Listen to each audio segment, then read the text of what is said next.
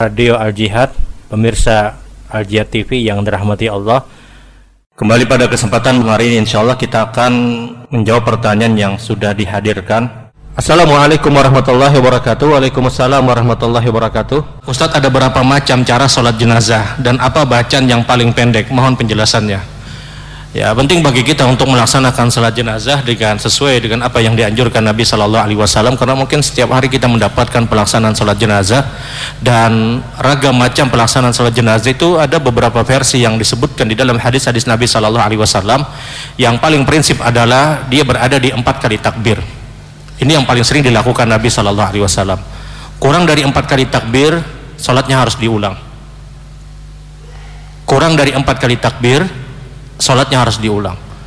Ketika misalnya sholat jenazah itu hanya dikerjakan tiga kali takbir maka ini sholatnya harus diulang. Kenapa? karena di dalam pelaksanaan sholat jenazah tidak ada sujud sahwi. Beda dengan sholat biasa kalau kurang rakaat kita tinggal, tinggal tambah satu rakaat kemudian kita sujud sahwi.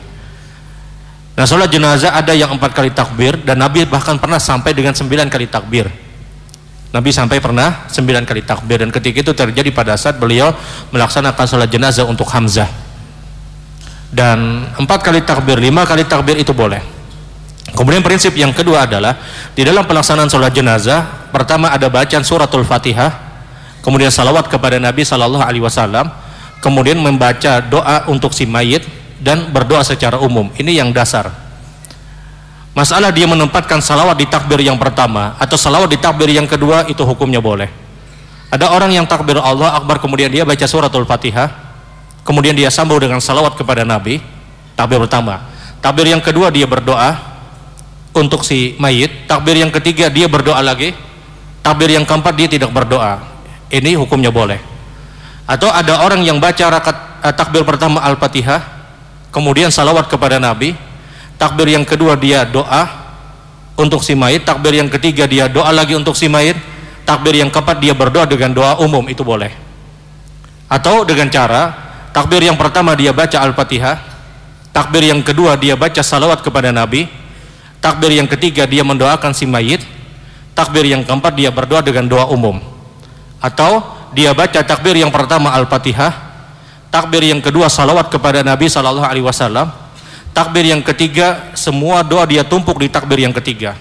Baik doa untuk si mayit atau doa untuk umum takbir yang keempat dia tidak berdoa lagi. Sebagaimana mazhab Hanabilah. Kemudian di takbir keempat makanya ada orang yang takbir keempat itu sebentar. Karena semua doa dia tumpuk di takbir yang ketiga. Dan ini pun hukumnya boleh. Hukumnya diperbolehkan. Nah, doa untuk si mayit dia baca Allahumma gfirlahu warhamhu wa'afi wa'fu anhu wa akrim nuzulahu wa simadakhalu wa sil bil ma'i wasalji wal bar wa naki min khatayaya kama naqatil sabal abid min nas. Allahumma abdil daran khairan min dari ahlan khairan min ahli zawjan khairan min zawji dan seterusnya dan seterusnya. Allahumma gfir lana hitina wa maitina wa syahidina wa ghaibina wa saghirina wa kabirina wa dhakarana wa untana dan seterusnya. Allahumma la tuhamil ujurana wa la tadirana wa la taftina ba'du waghfir lana wa la. Terus dia baca silahkan. Kalau seandainya dia tidak menguasai dengan bacaan yang panjang paling tidak ini yang paling sederhana. Takbir yang pertama dia al-fatihah. Takbir yang kedua dia baca salawat kepada Nabi Shallallahu Alaihi Wasallam dan ulun yakin salawat semua kita hafal salawat Ibrahimiyah. Karena dia termasuk di dalam tasyahud akhir. Takbir yang ketiga dia berdoa untuk mayit. Kalau dia tidak hafal dengan bacaan yang panjang tadi dia baca Allah maghfir lahu warhamhu. Allah maghfir lahu warhamhu.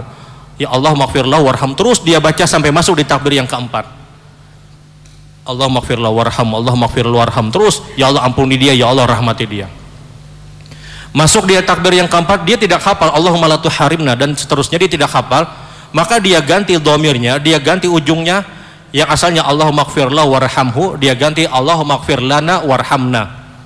Karena itu umum ya Allah ampuni kami ya Allah rahmati kami. Kalau takbir yang ketiga dia doakan si mayat Allah maghfirlah warham ya Allah ampuni dia ya Allah rahmati dia. Ini yang paling sederhana karena kadang kalau perempuan dia beda lagi Allah maghfirlah warham dan seterusnya kalau ini sulit ya sudah dia kembali kepada kaedah bakunya pakemnya dengan kalimat Allahumma lahu warhamhu Ya Allah ampuni dia, ya Allah rahmati dia. Kenapa dua kalimat ini yang dimunculkan? Karena semua doa pada pelaksanaan sholat jenazah berpulang di dua kalimat ini. Semua doa yang kita minta untuk si mayit, dia akan berpulang kepada ampuni orang ini, rahmati orang ini. Makanya kalau ada orang meninggal bahasa kita almarhum fulan. Ada orang yang meninggal bahasa kita rahimallah rahmatan wasi'ah. Bahasa kita mudah-mudahan Allah merahmatinya. Karena doa sholat jenazah dia fokus di dua kalimat, ampuni dan rahmati. Orang yang tidak menguasai dengan bacaan panjang ya sudah Allah maghfirlahu warhamu daripada pura-pura hafal bacaan kada ya, ya sudah dia Allah maghfirlahu warhamhu Allah maghfirlahu warham terus sampai masuk di takbir yang keempat dia tidak hafal lagi Allah maghfirlana warhamna. Terus sampai imam salam baru dia ikut salam. Ini yang paling ringkas ini yang paling pendek ini yang bujur-bujur paket hemat sudah. Ada dan lagi hendak menghandapi lagi kada lagi sudah. Jangan tapi berpikir hendak menghandapi lagi. Bayangkan al-fatihah salawat kepada nabi kemudian Allah maghfirlah warhamhu. Ya sudah ampuni dia rahmati dia sampai masuk di takbir yang keempat. Model yang seperti ini apakah dia dapat pahala? Sebagaimana hadis Rasulullah dapat kata para ulama. Tapi akan berbeda dengan orang yang dengan bahasa dengan doa yang lebih panjang dan lebih sempurna akan beda kualitas pahalanya. Dia tetap dapat pahala yang istilah kirat. Pahala kirat seperti gunung Uhud. Besar dan berat gunung Uhud itu yang nanti ditimbang pada kehidupan akhirat tapi akan beda dengan orang yang menyempurnakan doanya. Akan beda. Tapi tetap orang ini dapat pahala. Wallahu alam